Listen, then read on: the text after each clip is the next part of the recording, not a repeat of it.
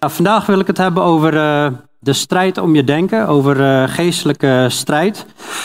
Um, het is een, uh, een, een themapreek. En, ja, normaal gaan we dus vers vers door Bijbelboek, maar het leek me goed het hierover te hebben. Hebben vorig jaar hebben wij, um, toen we door de Efezebrief gingen, op een gegeven moment um, twaalf preken lang stilgestaan bij Efeze 6, waar het ging over de geestelijke strijd. En daar wil ik vandaag weer uh, highlights uithalen met de aanvulling. We hebben inmiddels ook weer dingen meegemaakt. En um, het is heel belangrijk, ook al hebben we er heel lang niet over gepredikt. Dat wil nog niet zeggen dat er dan geen geestelijke strijd is. Dus het is gewoon goed om daar gewoon geregeld um, toch weer aan herinnerd te worden. Um, dus ja, laten we nogmaals uh, kort in gebed gaan, Heer. Dat ja, we willen u vragen, Heer, dat, dat, dat ik echt uw woorden mag spreken. Dat uh, u ons onderscheid zal geven. Dat u ons zal helpen, Heer, met deze preek om in ons dagelijks leven uh, te zien waar Satan actief is. Te zien waar de tegenstander werkt. Maar ook uh, onze hulp steeds bij u te zoeken. Vanuit uw woord en gebed, Heer. Wilt u ja, geven dat uh, die boodschap vooral in onze harten en, en verstand mag landen.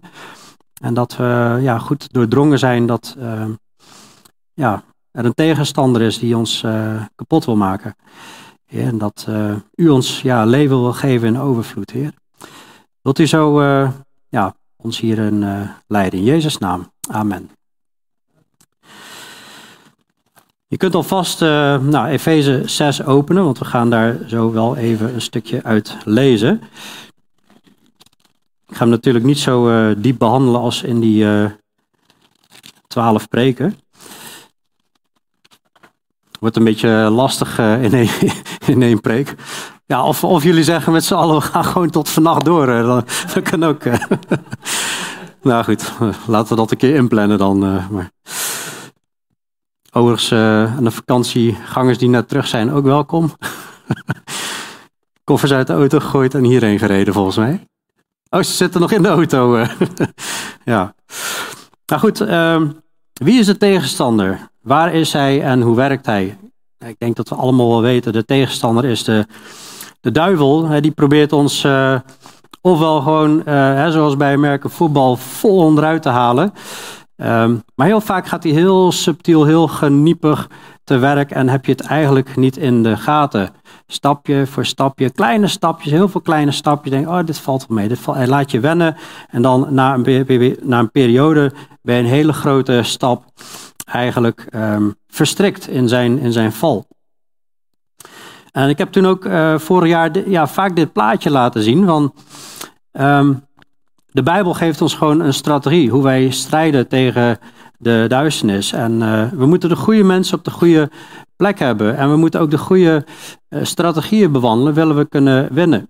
En vaak in christendom wil Satan juist hè, bij de leiders in het leger de verkeerde uh, mensen, uh, uh, de verkeerde mensen op de verkeerde, of de verkeerde mensen op de juiste positie hebben, zeg maar. Um, Satan die probeert in ieder geval in, in kerken uh, leiders neer te zetten die het verkeerde leren. Maar er zullen ook in bijbeltrouwe kerken mensen binnenkomen die ook iets anders gaan leren. En dat is heel vaak um, wat er gebeurt. Tegelijkertijd werkt de tegenstander ook nou, via televisie en, en wat dan ook. Daar zullen het wat over gaan hebben vandaag. En de Bijbel roept op om je te sterken in de Here en in de sterkte van zijn macht. In Efeze 6, vers 10, ik wil het even met jullie lezen. Verder, mijn broeders, wordt gesterkt in de Here en in de sterkte van zijn macht. Dus wij moeten onze sterkte bij God gaan zoeken. Hij legt ook uit hoe we dat kunnen doen. Maar we hebben natuurlijk de Bijbel om ons hart te versterken, om te groeien in geloof en te weten wat Jezus allemaal voor ons gedaan heeft, hoe groot de liefde van God is voor ons en dat Hij een schuld is, dat Hij een toren is, dat Hij een rots is waar we op kunnen bouwen. Er wordt daarin gesterkt, in de Heer en in de sterkte van Zijn macht. En in dit verhaal haalt hij eigenlijk een, een voorbeeld aan, hè, alsof we, uh, nou niet alsof, hè, we zitten in de geestelijke strijd, maar hij maakt eigenlijk een parallel met een Romeinse soldaat die een wapenrusting heeft. En hij zegt, bekleed u met de hele wapenrusting van God.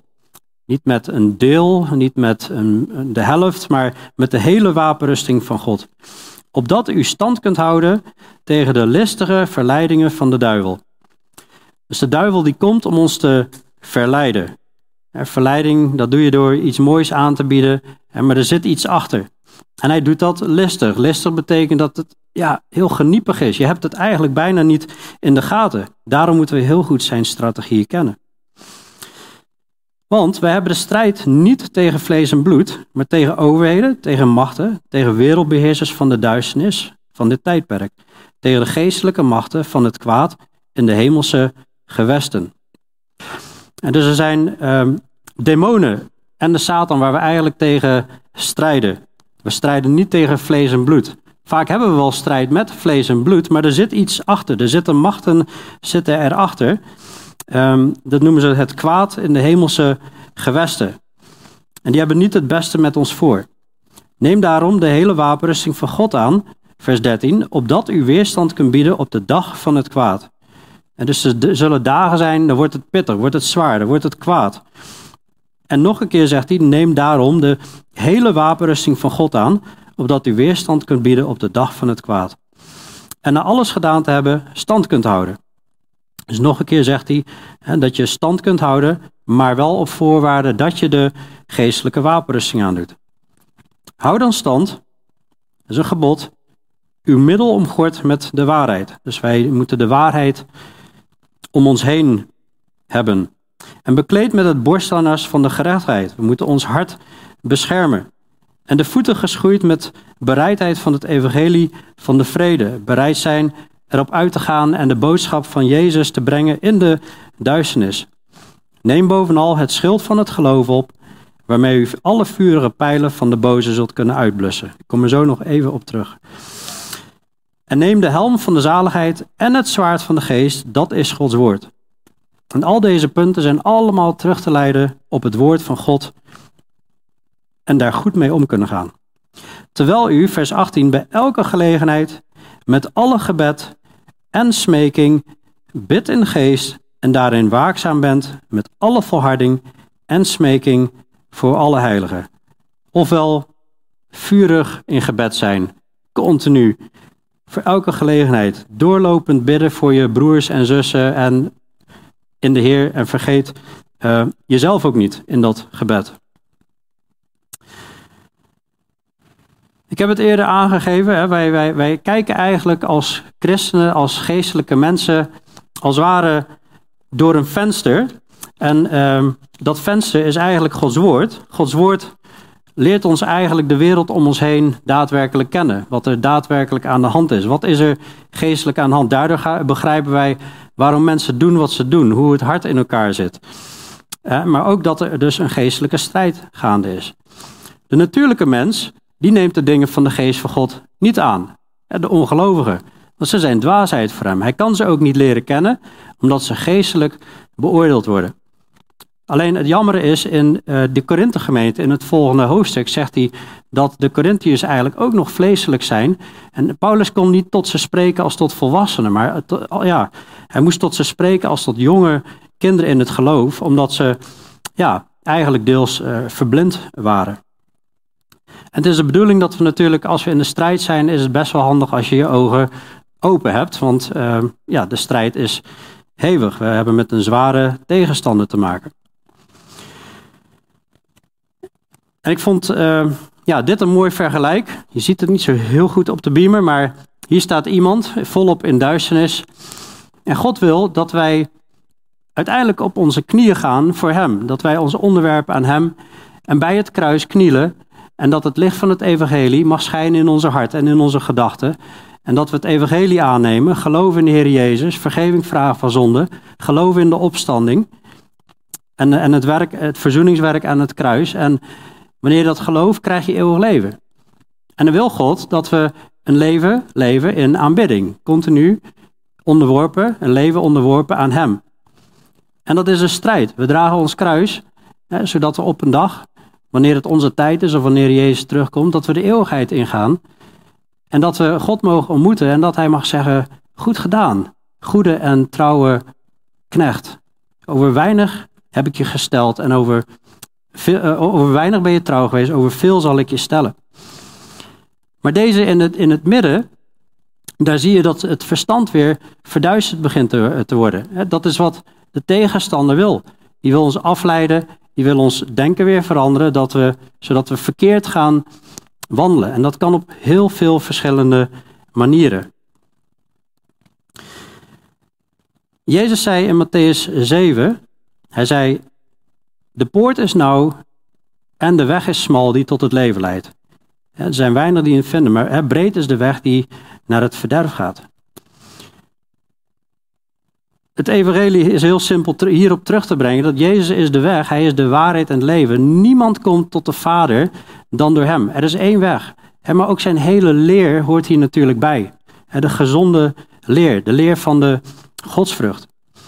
En er zullen mensen uit de wereld zijn, maar zelfs mensen in kerken die zeggen, hey, die mensen zijn narrow-minded, die willen heel nauwkeurig de Bijbel volgen.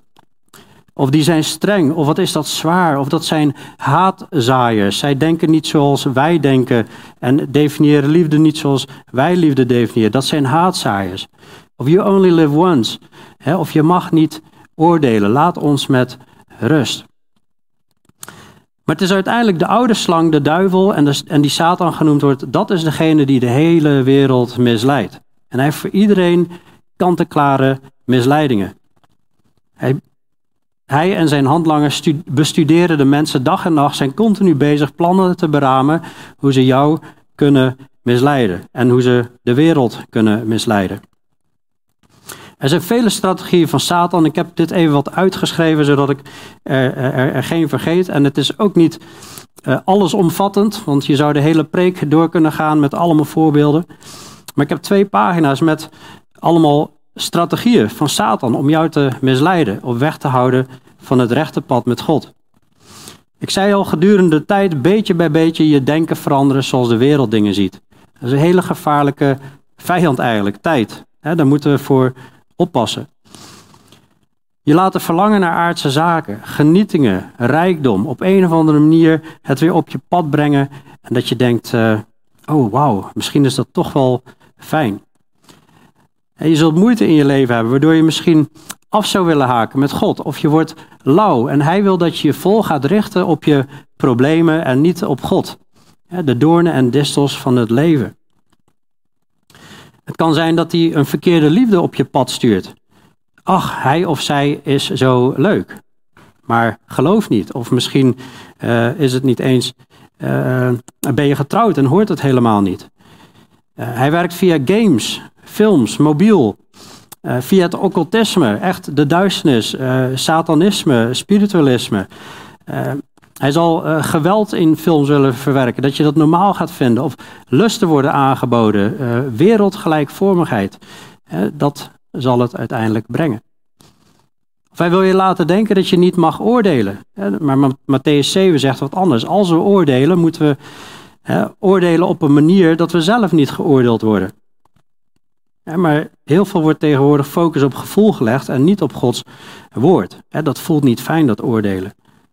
Satan wil niet dat je geesten of leerlingen test. We hebben afgelopen donderdag gezien, hè, beproef de geesten of zij uit God zijn. Geloof niet elke geest. Dat is een gebod van God. Hij wil je laten denken dat zonde best wel meevalt en niet doemwaardig is. En God is zo genadig, die ziet heus al wat zonde door de vingers. Maar er gaan hele volkeren gaan voor eeuwig verloren in de poel van vuur.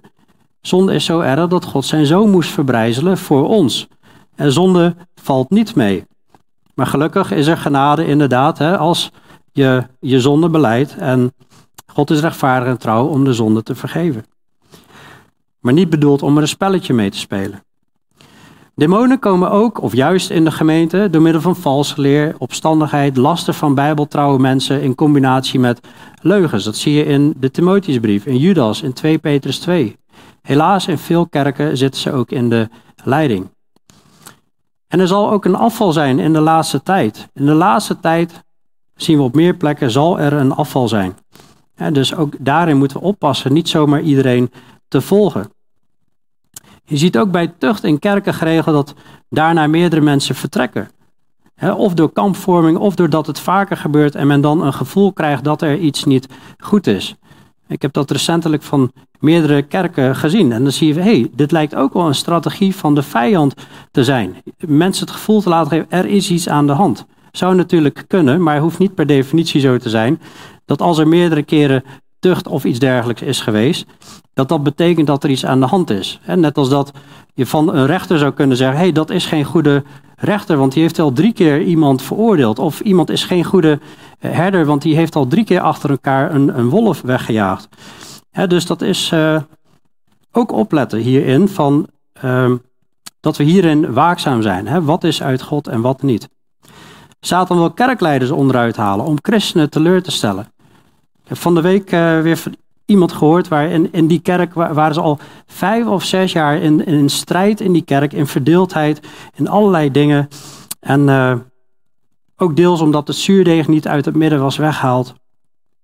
Maar die kerkleiders die kregen klap na klap na klap, mail na mail na mail, vuistslagen in het gezicht. Waarna uiteindelijk een oudste op een gegeven moment gewoon zo moe was en gewoon eigenlijk ermee gestopt is.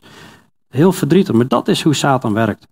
Satan wil dat je de wapenrusting laat zakken en tot het punt komt dat je zegt, ik ben er wel klaar mee. Ik ben klaar met broeder Z of zuster I. Um, zuster I is misschien niet heel handig gekozen, maar uh, Satan wil je in slaap sussen. Alsof er... Sorry. Soms lees je dingen ineens anders tijdens je preek, maar... Uh, was niet uh, persoonlijk bedoeld naar iemand overigens. Satan wil je in slaap sussen alsof er geen oorlog is.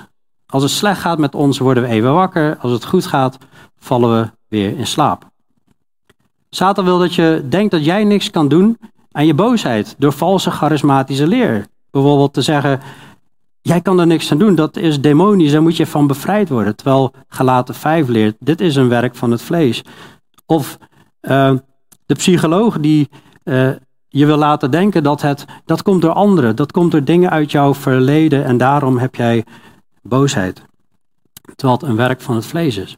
Satan wil dat je vergeet wat de grote opdracht is. Het evangelie brengen en mensen redden van het eeuwige verderf. Mensen dopen en mensen leren Gods woord toe te passen. Dat is eigenlijk onze hoofdopdracht. Dat, is, dat zijn die voeten geschoeid hebben met de bereidwilligheid van het evangelie. Satan wil dat je vergeet God lief te hebben. Met 100% je hart, met 100% je ziel, met 100% je kracht en met 100% je verstand. Als jij op 50% zit, denk ik dat hij het best wel op een akkoordje wil gooien. En dan heeft hij al best wat bereikt. Dan zul je misschien niet zoveel last van hem hebben. Hij wil niet dat je volhardt in de leer van de apostelen, in het breken van het brood, in de gebeden en in de gemeenschap, zoals de eerste christenen deden. En zo kun je natuurlijk nog heel lang doorgaan. Hij biedt van alles aan. Hè, in allerlei religies, afgoderij, social media, de wetenschap. maar uiteindelijk ook via relaties kan die proberen je kapot te maken of jou gebruiken om anderen kapot te maken. In 2 Korinther 10 vers 4 staat dat de wapens van onze strijd zijn niet vleeselijk, we strijden niet met echte wapens, maar die zijn krachtig door God. Tot afbraak van bolwerken. Want wij breken valse redeneringen af en elke hoogte die zich verheft tegen de kennis van God. En wij nemen elke gedachte gevangen om die te brengen tot de gehoorzaamheid aan Christus.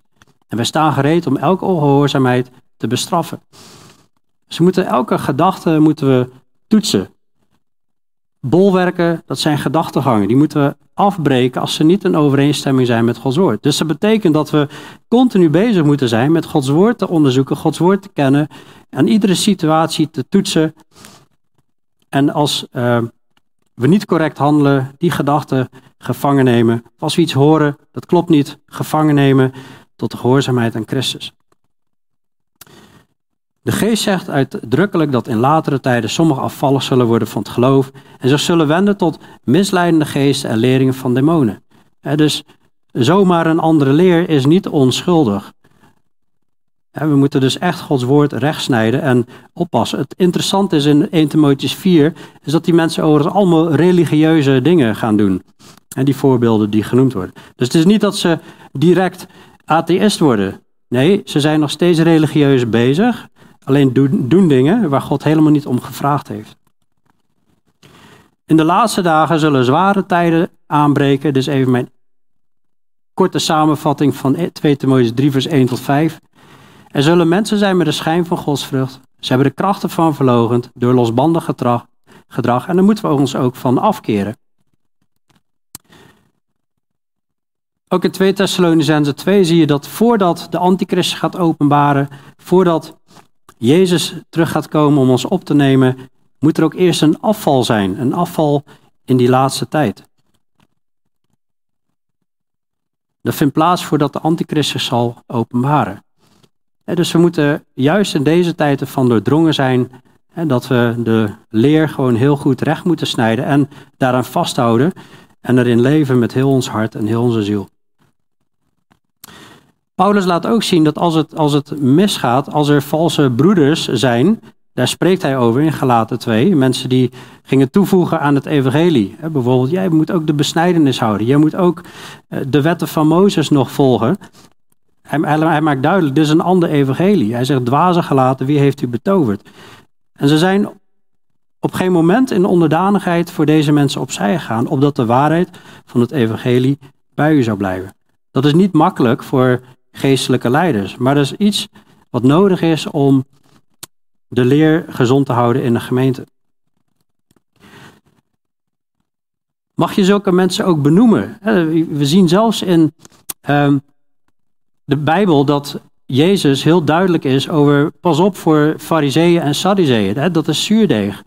Ehm, Paulus spreekt over Hymenaeus en Philetus. Hun woord zal zich uitzaaien als kanker. Op meerdere plekken zie je dat, nou in heel Azië, heel groot gebied, hebben mensen afgekeerd. En hij noemt hier de namen. Hij noemt, let op honden, let op slechte arbeiders, let op de versnijdenis. Dus het is ook belangrijk dat als zoiets plaatsvindt, dat we ook zulke mensen echt benoemen. Let op, dit is niet goed. Let op, dit is een afwijking in de leer. Let op, dit is een, ja, woorden die ze uitzaaien als kanker. Dat is niet goed, hè. Dat, ja, ik heb kanker meegemaakt bij mijn schoonvader. Verschrikkelijk, hoe dat een lichaam lam legt. Als dat doorgaat, dat is een beetje hetzelfde vergelijk als zuurdeeg, dan ehm, wordt dat een groots, groots probleem. Dus er moet een halt toegeroepen worden. Dat is onderdeel van de geestelijke strijd. En waarom is dit allemaal belangrijk? Ik noem het vaker, maar openbaring 2 en 3. En toen ik op een gegeven moment echt serieus de Bijbel ging lezen, vond ik openbaring 2 en 3 een van de meest chockerende hoofdstukken in de Bijbel, omdat Jezus zeven kerk evalueert. Drie hadden te maken met valse leer, twee weken af in de wandel, mogelijk ook door valse leer, ofwel meer dan 70% week af. Dus de kans dat je afwijkt is best groot als je niet gewoon trouw blijft aan Gods woord en heel trouw Gods woord bestudeert. En er staan ernstige bestraffingen tegenover als ze zich niet bekeren, maar grootse, grootse zegen staat te wachten als ze zich wel bekeren. En dat is wat God ons wil geven, grootse, grootse zegen. Dus via allerlei manieren, via social media, zelfs via christelijke kanalen, die noemen zich christelijk, is er van alles en nog wat wat niet in lijn is met de Bijbel en dat probeert jouw denken te veranderen. Dus het is best wel oppassen. Ook is Satan een ster erin om jou op een verkeerde manier te laten strijden. Ik heb dat voorbeeld vorig jaar eerder aangehaald, hè, dat ik ooit een lering hoorde van, ja, ik strijd de geestelijke strijd door. Uh, s ochtends kom ik mijn bed uit en dan beeld ik me in dat ik de helm opzet en het zwaard pak. En ik doe een borstharnas aan. En dan ga ik zo met de wapenrusting de dag in. Maar dat is echt niet wat de Bijbel uitlegt over. Um, ja, het klinkt lachwekkend, maar er zijn echt mensen die dat deden. En dachten zo beschermd te zijn tegen de listige verleiding van de duivel. Maar we zijn alleen beschermd door heel goed Gods woord te kennen. Nou goed, zo kun je nog heel veel andere voorbeelden aanhalen. Maar de hele wapenrusting, dat is de waarheid omdoen. Daar begon het mee. dus je omgorden met de waarheid. dat, dat gorden, dat zie je terug in het woord uh, gordel. En uh, ja, die moeten we in zijn compleetheid omdoen. Als je een gordel hebt en je haalt daar stukjes uit, dat werkt niet zo heel goed. dan zak je kleding omlaag en dan kun je niet zo heel goed strijden. Dus we moeten de hele waarheid omdoen. We moeten ons hart beschermen. Het is het borstharnas van de gerechtigheid. Ons hart beschermen voor dat wat recht is. Maar hoe weten wij wat recht is? Dan kom je toch weer op Gods woord uit. Ons hart beschermen voor dat wat recht is. En dat leer je in Gods woord. De voeten bereid hebben met het evangelie van de vrede. De voeten geschoeid hebben met de bereidheid van het evangelie van de vrede. En dat is eigenlijk de enige manier hoe wij, dit is een aanvalsmechanisme, met de voeten val je aan, dan ga je echt de duisternis in om het evangelie te brengen, die geweldige boodschap, het licht in de harten te laten schijnen. En we moeten vaststaan in het geloof en vertrouwen op God. Dat is het schild van het geloof. En die houden we op. We zien Gods woord. Gods woord zegt dit voor deze situatie. Dus daar houden we aan vast. En dat is het schild van het geloof. Zodat je ja, die vurige pijlen kan afketsen. Er komen pijlen, maar die pijlen zijn niet zomaar pijlen, het zijn vurige pijlen. Ze zullen ook pijlen zijn die jou heel diep in het hart kunnen raken. dus die kunnen vaak van heel dichtbij komen, van mensen van heel dichtbij. En zullen je diep in het hart raken. Maar hoe je je stand tegen kan houden is door toch echt te vertrouwen op wat zegt Gods woord en daarin te volharden. We moeten vasthouden aan het evangelie en de, de helm van de redding. De helm van de zaligheid moeten we opdoen. Dus tussen onze oren moeten we heel goed bewaren. Wat is het evangelie? Blijven bij de eenvoud die in Christus is. En niet hierheen laten slingeren en daarheen laten slingeren. Dat is een groot gevaar. We moeten Gods woord goed kunnen hanteren. Het zwaard van de geest. Als jij opgeroepen wordt om. Hè, nou, stel er is een oorlog, je wordt opgeroepen om te gaan strijden als soldaat. Dan begin je niet dan pas te trainen. Je, je traint omdat je strijd verwacht. En de Bijbel zegt dat je strijd gaat krijgen. Dus we moeten Gods woord leren hanteren in bepaalde situaties. En ook in bepaalde situaties waar je niet precies weet hoe moet ik hier strijden. Heel goed zoeken naar wijsheid, bidden. Misschien zelfs vasten van Heer, hoe moeten we op basis van uw woord in deze situatie handelen? En dan gebed. Heel veel gebed. Smeking. Altijd. Voor iedereen. Bij elke gelegenheid. En wij horen echt strijders te zijn in het gebed. Voor elkaar, met elkaar strijden. Want we hebben elkaar, elkaars gebed heel hard nodig. Dat is, dat is hoe God voorschrijft hoe we de strijd strijden.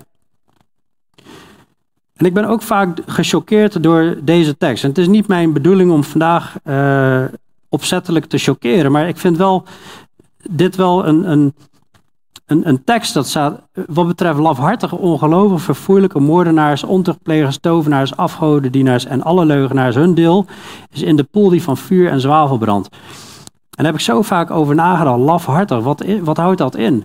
En lafhartig is denk ik dat je, dat je eigenlijk te bang bent om te gaan strijden. Eigenlijk te bang bent om het woord van God aan anderen te gaan vertellen. Jezus wie zich voor mij geschaamd zal hebben, ik zal mij ook voor hun schamen.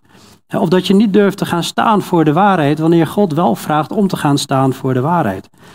En ik leer hiermee niet dat je redding gebaseerd is op, op werken, maar ik vind het wel een, een punt waar echt wel serieus over nagedacht mag worden, over die uh, lafhartige, zeg maar. Jezus zei, hè, of ja, eigenlijk zou je de vraag kunnen stellen, maar het is zoveel, er komt zoveel op mijn pad in het dagelijks leven. Hoe kan ik alles goed onderscheiden wat ik moet doen? Jezus heeft gezegd, als je in mijn woord blijft, dan ben je werkelijk mijn discipelen. U zult de waarheid kennen en de waarheid zal u vrijmaken.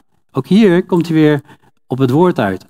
Een discipel is een volgeling. Als je in mijn woord blijft, ben je werkelijk mijn discipelen. Je zult de waarheid kennen en de, en de waarheid zal je vrijmaken. Zal je vrijmaken van al die invloeden van de duisternis. Jezus bad ook vlak voor zijn sterven, heilig hen door uw waarheid. Uw woord is de waarheid. Dat is hoe we eigenlijk um, getransformeerd worden in ons denken door het woord van God.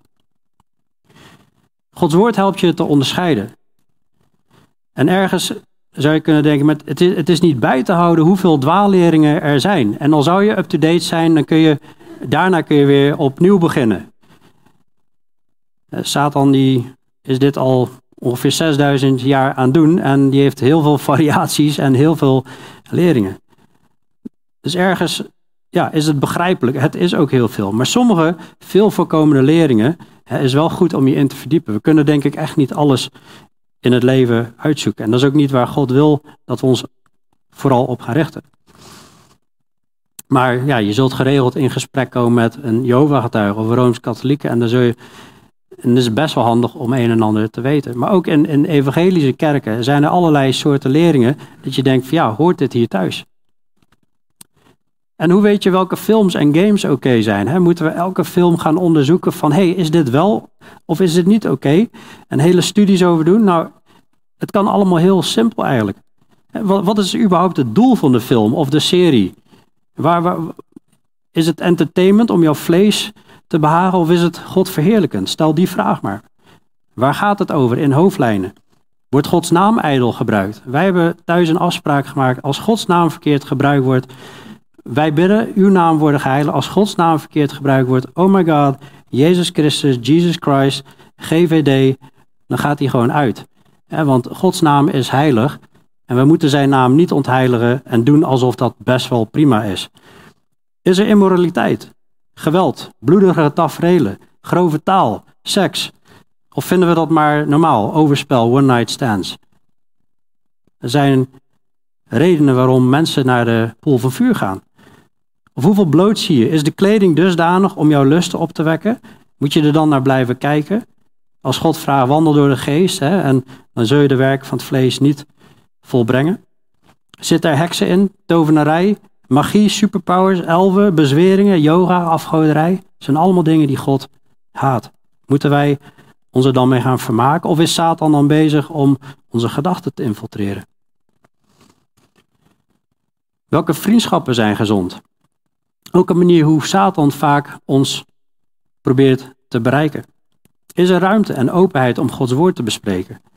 Trekt de ander je mee de wereld in, weg van God? We zijn hier om discipelen te maken. Lijkt het erop dat de ander Jezus wil volgen of wil gaan volgen? Waarbij je natuurlijk altijd uitzonderingen hebt. Hè? Je hebt ja, we leven ook in de wereld. Je hebt omgang met collega's, mensen op school. Dat heb je niet altijd voor het kiezen. We kunnen niet uit de wereld gaan. Maar natuurlijk, zelfs op je werk kun je ook voorzichtig zijn. Ik heb ook jarenlang voor een baas gewerkt. Maar ja, ik had soms wel eens dagen dat ik het gewoon even niet meer trok in de kantine vanwege alle verhalen. Ehm, soms ook omdat het altijd over voetbal ging. Sorry, voetballiefhebbers. Maar ik uh, wilde ook wel eens gewoon even lunchen alleen en dan gewoon even tijd met God hebben. Het is niet bedoeld om te ontmoedigen vandaag van, oh, Satan is op zoveel vlakken uh, bezig en uh, hoe hou ik nog staande? Nee, het is ook juist om in te zien van, hey, we moeten alert zijn. Maar er zijn ook bemoedigingen, hè, dat wij als wedergeborenen worden we door de kracht van God bewaakt door het geloof. Dus God staat aan onze kant en die is ons continu aan het bewaken door het geloof. Tot de zaligheid die gereed ligt om geopenbaard te worden in de laatste tijd. We weten ook dat het geloof is uit gehoor en gehoor door het woord van God. Dus dat geloof wordt gebouwd op het woord van God. Dus het is ook goed om continu het woord te horen. Hè? Daar zie je hem ook weer terug.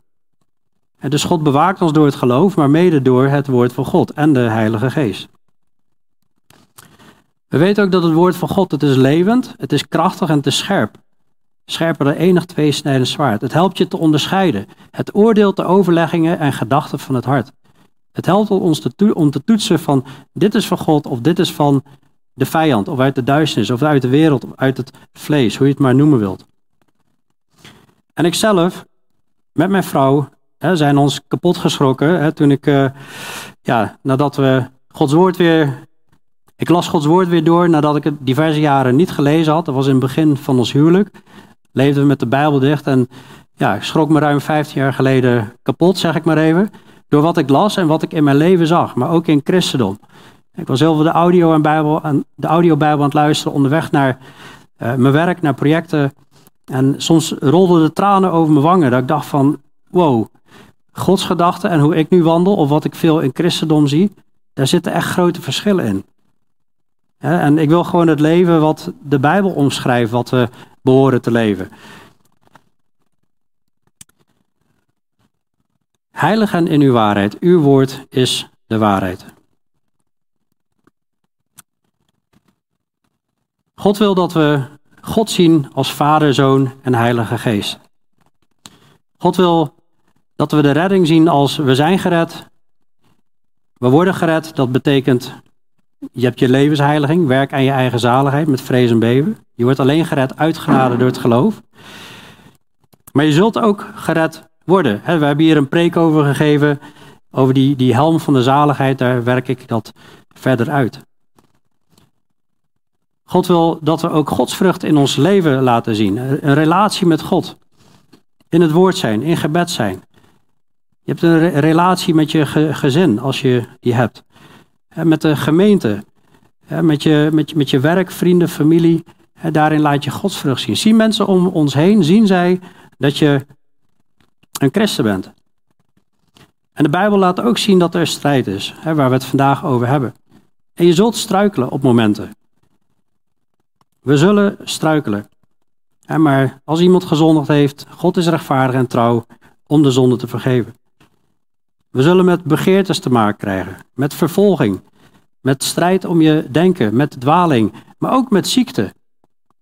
Dat kan of gewoon door de zondeval zijn, omdat er ziekte is. Het kan een test zijn, het kan een doorn in het vlees zijn. Het kan zelfs tuchtiging van God zijn, lezen we in de Bijbel. Maar dat is wat de Bijbel leert, hoe je met deze situaties om kan gaan. En de Bijbel leert heel goed wie we zijn. Lichaam, hart, ziel, verstand en kracht. Hoe we dat allemaal in kunnen zetten. Daarom is Gods woord zo belangrijk. Om hier in balans steeds in te wandelen. En wat de duisternis te bieden heeft, uiteindelijk als je over elk punt nadenkt, is het uiteindelijk jou kapot maken. Dit zijn de werken van het vlees die, we achter, die je achter mij ziet. Seks, overspel, porno kijken, jaloersheid, hebzucht, afwijkingen in de leer. Wat dus ook wil zeggen dat wij wel kunnen weten hoe je Gods woord recht snijdt. En er staat mensen die zulke dingen doen, zullen het koninkrijk van God niet beërven. Dus ze moeten van weg blijven. En hoe doen we dat? Door te wandelen door de geest. Daarop te richten. En dan zullen we deze dingen niet volbrengen.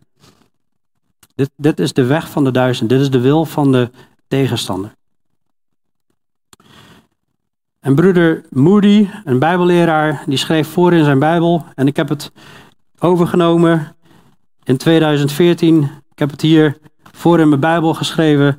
Een van de eerste stappen in de richting van een wereldsleven is het negeren van het woord van God. Dus het negeren van de waarheid. En dat is zo ontzettend waar. Of zonde houdt ons van Gods woord weg, of Gods woord houdt ons van de zonde weg. Dus een van de eerste stappen in de richting van een wereldsleven is het negeren van het woord van God.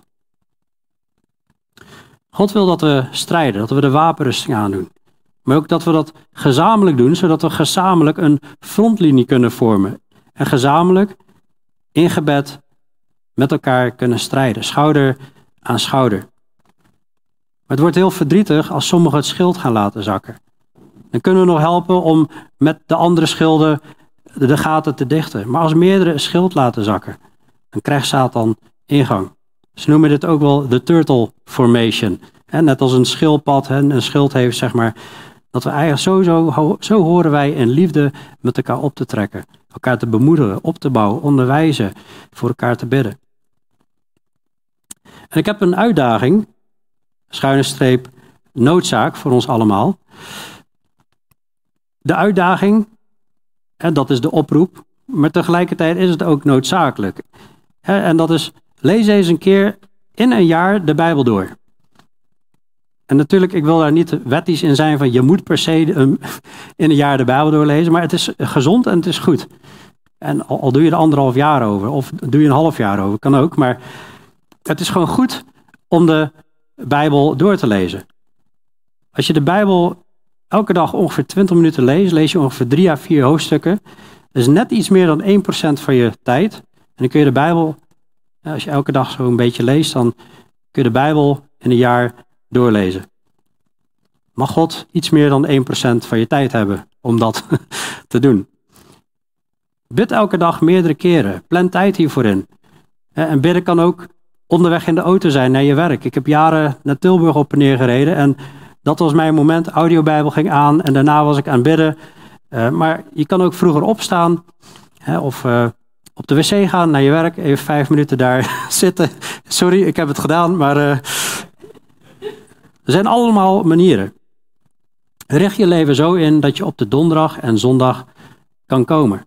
En dat is niet omdat wij per se op donderdag of de zondag per se de stoelen zo vol willen hebben, maar dat, dat is voor jou best veel, omdat Gods woord daartoe oproept. Laten we op elkaar letten door elkaar aan te vuren tot liefde en goede werken. Laten wij de onderlinge bijeenkomst niet nalaten zoals bij sommigen gewoond is, maar elkaar aansporen en dat zoveel te meer als je de grote dag ziet naderen. Als we beseffen hoe belangrijk Gods woord is, en dat zijn we gaan beseffen, daarom zijn we door de week en op zondag hè, momenten in gaan bouwen, zodat we ja, echt kunnen opladen, echt weer kunnen oefenen in de, in de strijd. Dan denk ik dat het heel goed is. Voordat ik ooit ouderling, voorganger was, hadden mevrouw en ik al gewoon de afspraak, wij zijn er gewoon.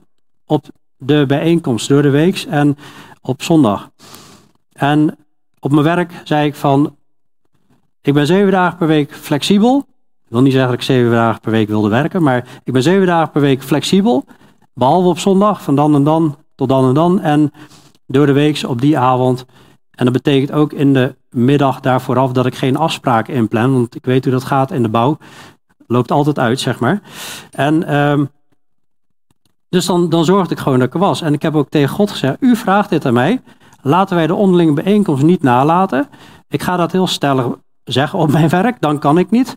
En als mijn baas mij daarom ontslaat, dan accepteer ik dat en dan, zorg ik ook de, dan geloof ik ook dat u voor mij gaat zorgen. Nou, dat heeft hij ook gewoon gedaan, want God is trouw natuurlijk. En uh, nou, uiteindelijk ben ik wel een keer mijn baan kwijtgeraakt om meerdere redenen na negen jaar, maar daar ga ik jullie nu niet meer uh, mee vermoeien. Um, maar ja, iets om echt over na te denken. Wat als Jezus hier vandaag binnen zou lopen? Net als in Openbaring 2 en 3. En zou zeggen: Oké, ik wil jullie gaan evalueren vandaag. Wat zou hij zeggen? Waar zou hij opmerking over hebben? Hoe deel je je tijd in? Maar ik vind Gods woord moeilijk, dat hoor je ook wel eens. Op sommige punten, ja, snap ik dat. Maar op de meeste punten is het toch wel prima te volgen. En de ene preek zal ook makkelijker te volgen zijn dan de andere preek. Het ene hoofdstuk in de Bijbel is ook eenvoudiger dan de andere. Maar als je op school zit, of werk, of je sport, of misschien zelfs met je hobby, hobby kom je ook wel eens dingen tegen die moeilijk zijn.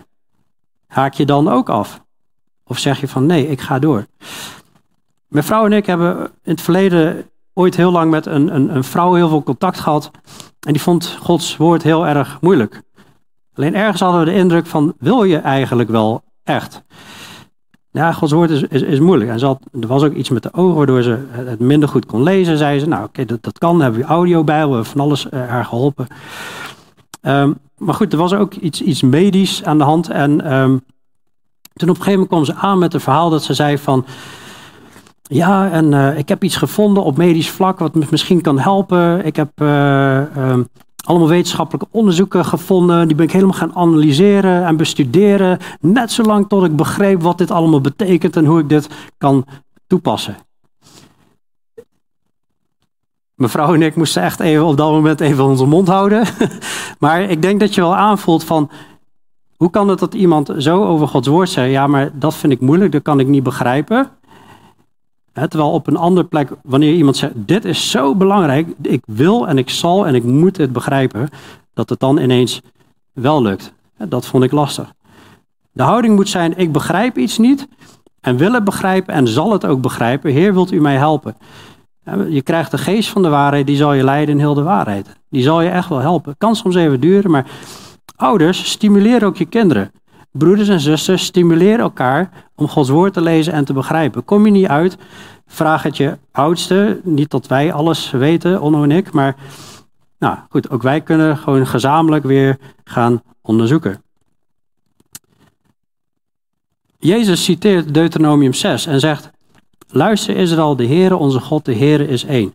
Daarom zult u de Heere uw God liefhebben met heel uw hart, met heel uw ziel en met heel uw kracht. Wat Jezus dan niet citeert, maar wat in Deuteronomium wel erbij staat, is deze woorden die ik u vandaag gebied, moeten in uw hart zijn. U moet ze uw kinderen inprenten en erover spreken. Als u in uw huis zit, als u over de weg gaat, als u neerligt en als u opstaat. Ofwel de hele dag hiermee bezig zijn. Continu hun voeden in de wegen van God. Dit ging overigens over de wet van Mozes. Ik weet niet of iemand de wet van Mozes al eens heeft gelezen. Boek Leviticus, Numeri. Prent ze in. Dat was pas moeilijk. dan denk ik, nou, dan hebben wij nog best wel mooie boeken in het Nieuwe Testament. Ja, dus ik denk dat het echt aan het hart ligt. We kinderen ook mogen uitleggen. Open je hart voor de Heer. Het, het is heel belangrijk.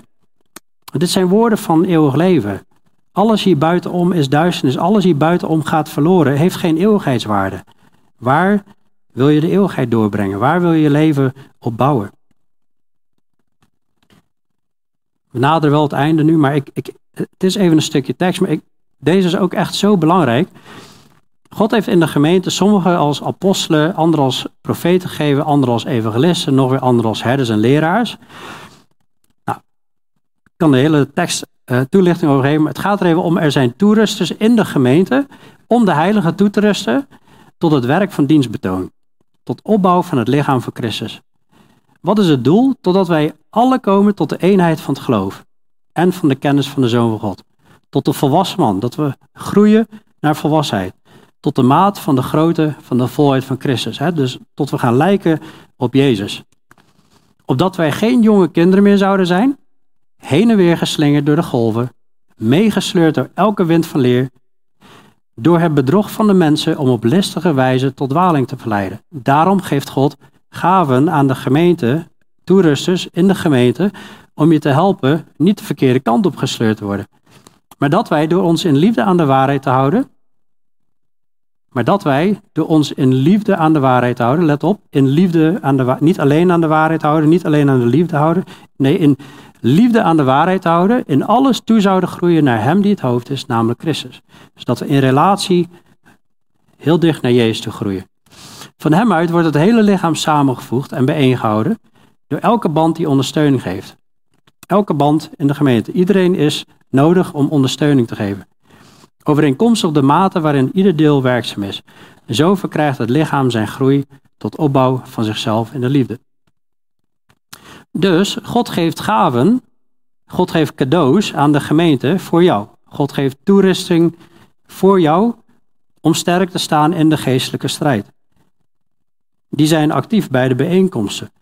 Maak jij gebruik van datgene wat God je geeft. Ik wil, ik, wil nog een keer aanmoedigen van ja, hoe belangrijk het is, ook in die gezamenlijke bijeenkomsten hebben we gebalanceerde voeding, zeg maar, zodat we gezamenlijk als gemeente dat schild, die eenheid kunnen vormen, groeien naar dat beeld van Jezus in relatie.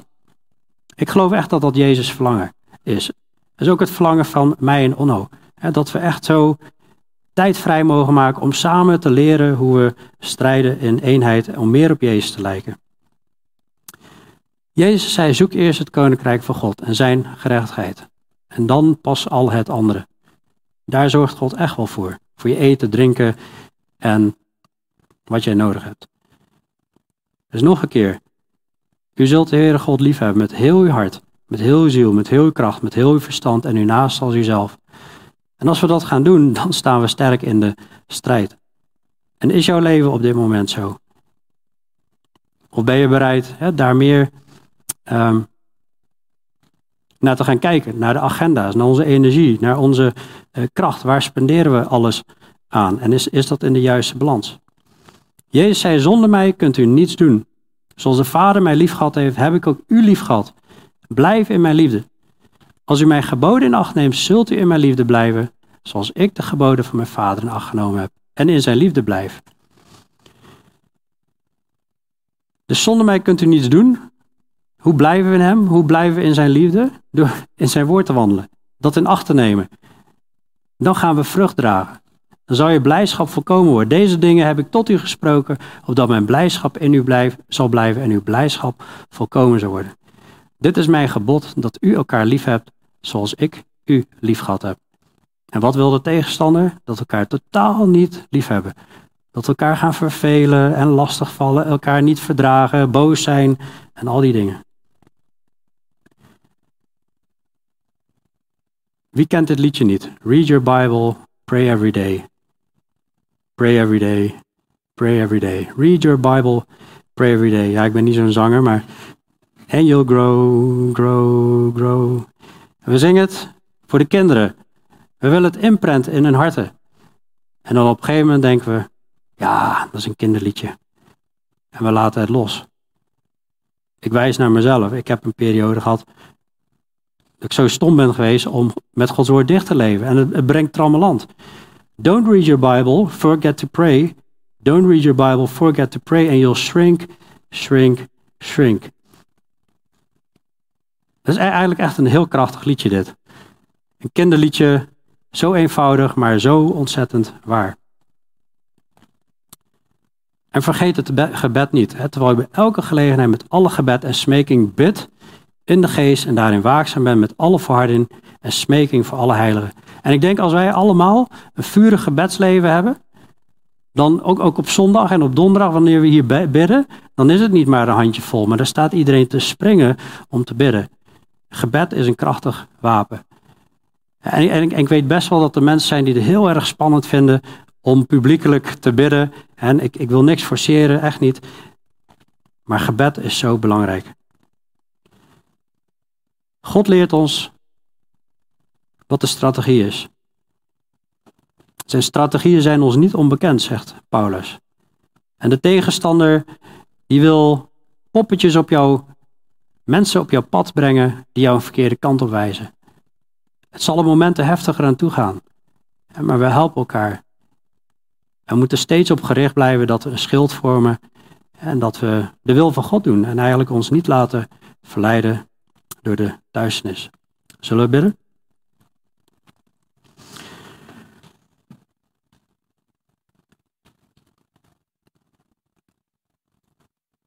Ja, Hemels Vader, ik wil u danken, Heer, voor dit uh, thema dat u ons leert waar we staan. Dat u ons leert wat licht is en wat duisternis is. Dat u ons leert om in het licht te wandelen. Hoe we de wapenrusting kunnen aandoen. Dat u ons leert hoe we kunnen onderscheiden op basis van uw woord. Wilt u ons ook helpen, Heer, om u te behagen, om u te verheerlijken, om u groot te maken. En niet onze eigen wil, ons eigen verlangen, ons eigen belang te zoeken. Help ons om ons te vernederen voor u en, en, en in alles volkomen u te zoeken. In liefde en waarheid. Help ons te aanbidden in geest en waarheid. En in liefde ook te strijden tegen het kwaad. Te strijden wanneer een broeder of een zuster het moeilijk heeft. Of misschien verleid of misleid wordt. Heer, help ons om in gebed te strijden voor elkaar. Help ons om dagelijks uw woord te lezen. Om ons leven zo in te richten, Heer, dat het ja, in alle aspecten van ons leven u zal verheerlijken. Zonder dat we daarbij overspannen hoeven te raken. Heer, geef ons wijsheid en inzicht en hoe we dat kunnen doen. En als er stappen in geloof nodig zijn, Heer, wilt u dat ook geven, dat we stappen in geloof nemen. Heer, niet om ons, maar om u, Heer, om uw naam zodat uw naam geheiligd wordt, Heer. Zodat u groot gemaakt wordt. Zodat we steeds meer mogen groeien in eenheid van geloof. Zodat we steeds meer mogen groeien tot het beeld van de Heer Jezus. Zodat we steeds meer mogen groeien in relatie met u. En u te mogen kennen en u te weerspiegelen aan de wereld om ons heen. Zodat stromen van levend water uit ons binnenste zullen vloeien. Naar de wereld om ons heen en, en daar vrucht zal zijn, Heer. Dat mensen u zullen leren kennen. Heer, Help ons om zo te strijden. In Jezus' naam. Amen.